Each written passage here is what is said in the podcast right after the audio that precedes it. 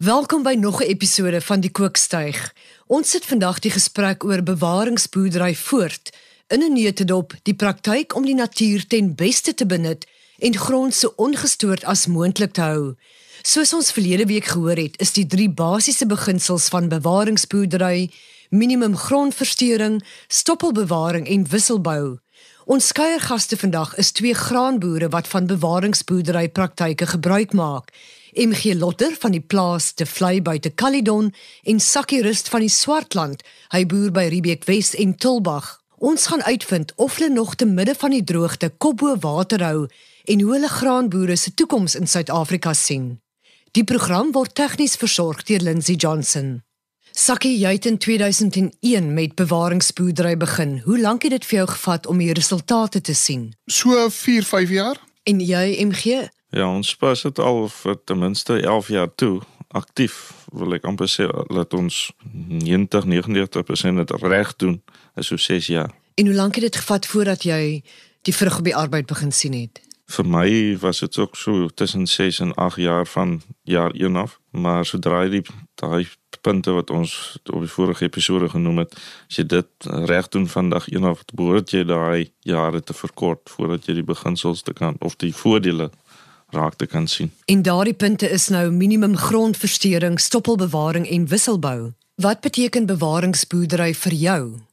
Vir my as MG is dit 'n kopskuif in jou kop om elke dag, elke besluit wat jy neem, 'n voordelige langtermynbesluit te neem.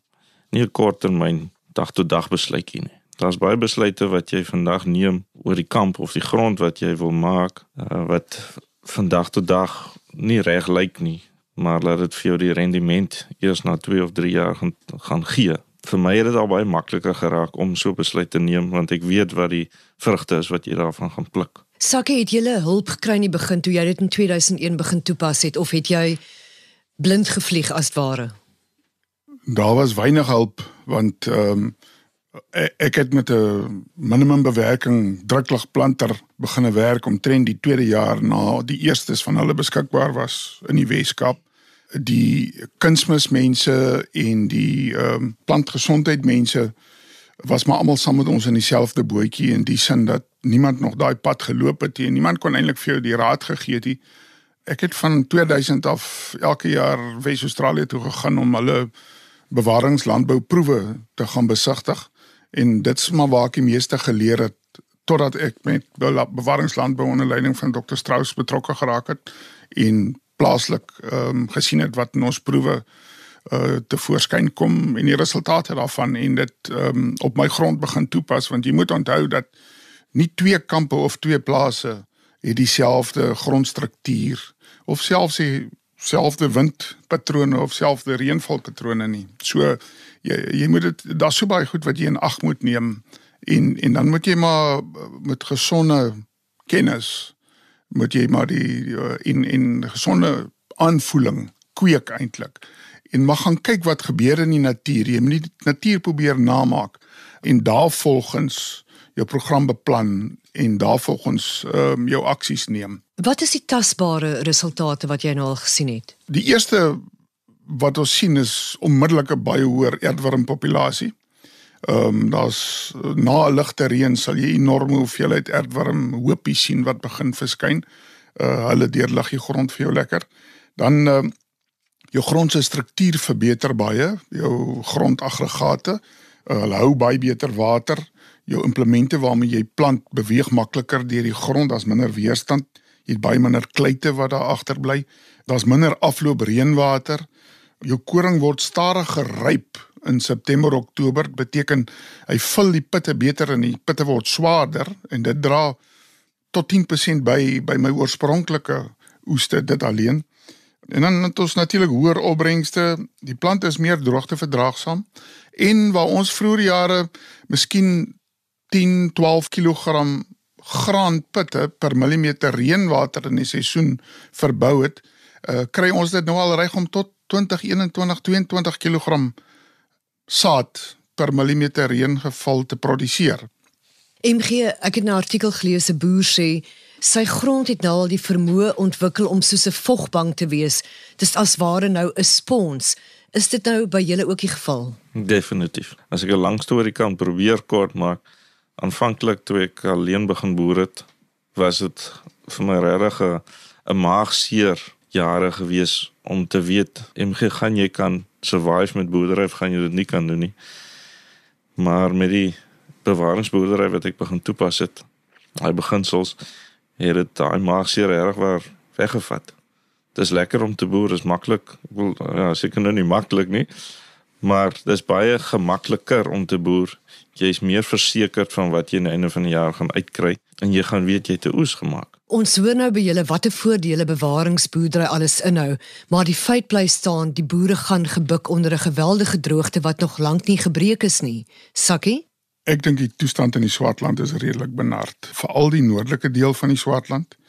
Mense hoef maar net te gaan kyk na die benutting van die bergingskapasiteit in die silo's in die noordwestelike dele van die Swartland. Daai boere kan met niks anders in die vorm van kontantgewasse boer nie.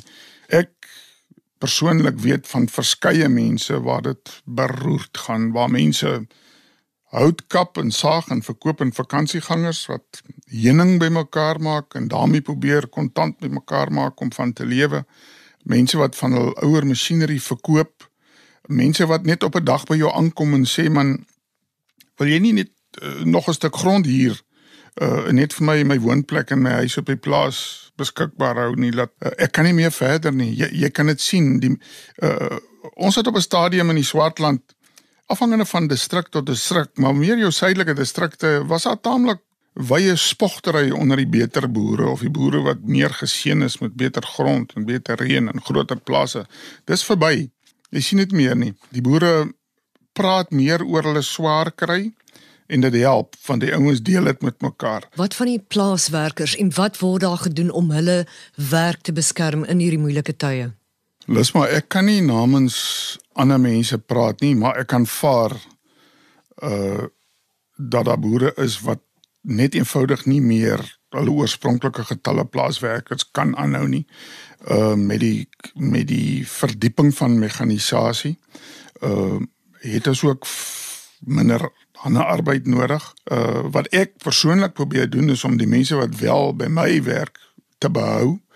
Ons het verlede jaar en in 2015 was dit bitter moeilik, maar uh ons het maar iets uitgedink om die manne mee besig te hou. Stuur hulle op 'n klein kursus om te leer swys of uh om gif te bespuit of iets net om hulle besig te hou sodat jou benoudheid nie oorskuif na jou werkers toe nie dat hulle dink daar is nog 'n toekoms vir hulle. MG Sak het net nou gesê hoe belangrik dit is dat die boerdery gemeenskap mekaar ondersteun. Ondervind jy dit ook? Lisma, 'n jockey het ook baie keer voedsel nodig.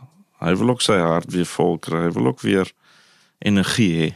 Landbou of die boer op die plaas op die grond is nie net altyd sleg soos wat die media baie keer uitmaak nie. Daar's baie dinge waaraan 'n boer moet dink en ek as MG het baie keer ook maar 'n bietjie sielkundige inspuitings nodig om my hart weer slagvol te kry. So as die negativiteit uit landbou uitgeneem kan word as slag. Al is dit net 'n bietjie, sal dit my hart ook baie beter laat klop in die einde van die dag. Ek wil nou afsluit op 'n positiewe ligter noot. MG, wat maak dit vir jou die moeite werd om te boer? Hoekom staan jy elke oggend op? Landbou was nog altyd my passie geweest en bewaringsboerdery maak net soveel lekkerder om te weet jy kan opstaan en daar's 'n daar's lig in die tonnel om te kan boer. Ek wil nie een oggend opstaan sonder 'n visie of ek sien nie lig in die tonnel nie, want ek dink dan is my toutjie afgeknip. Dan kan ek maar weer gaan slaap en dan gaan dit nie maak nie. Maar bewaringsboerdery is definitief vir my een van daai must-do's in die landbou, veral as 'n graanboer en skaapboer in die Wes-Kaap. Ek sien die voordele, ek sien dit raak, ek beleef dit, ek kan dit voel. Ek glo almal wat na hierdie program geluister het, sal na dese selfs groter begrip en bewondering vir ons boerdery gemeenskap hê. Soos ene Hobson ter geleentheid opgemerk het, die boer se voetspore is die beste misstof op die land. Die program word ondersteun deur die Wes-Kaapse Departement van Landbou. Ons groet tot volgende week. Onthou, die aarde is kosbaar. Kom ons bewaar dit.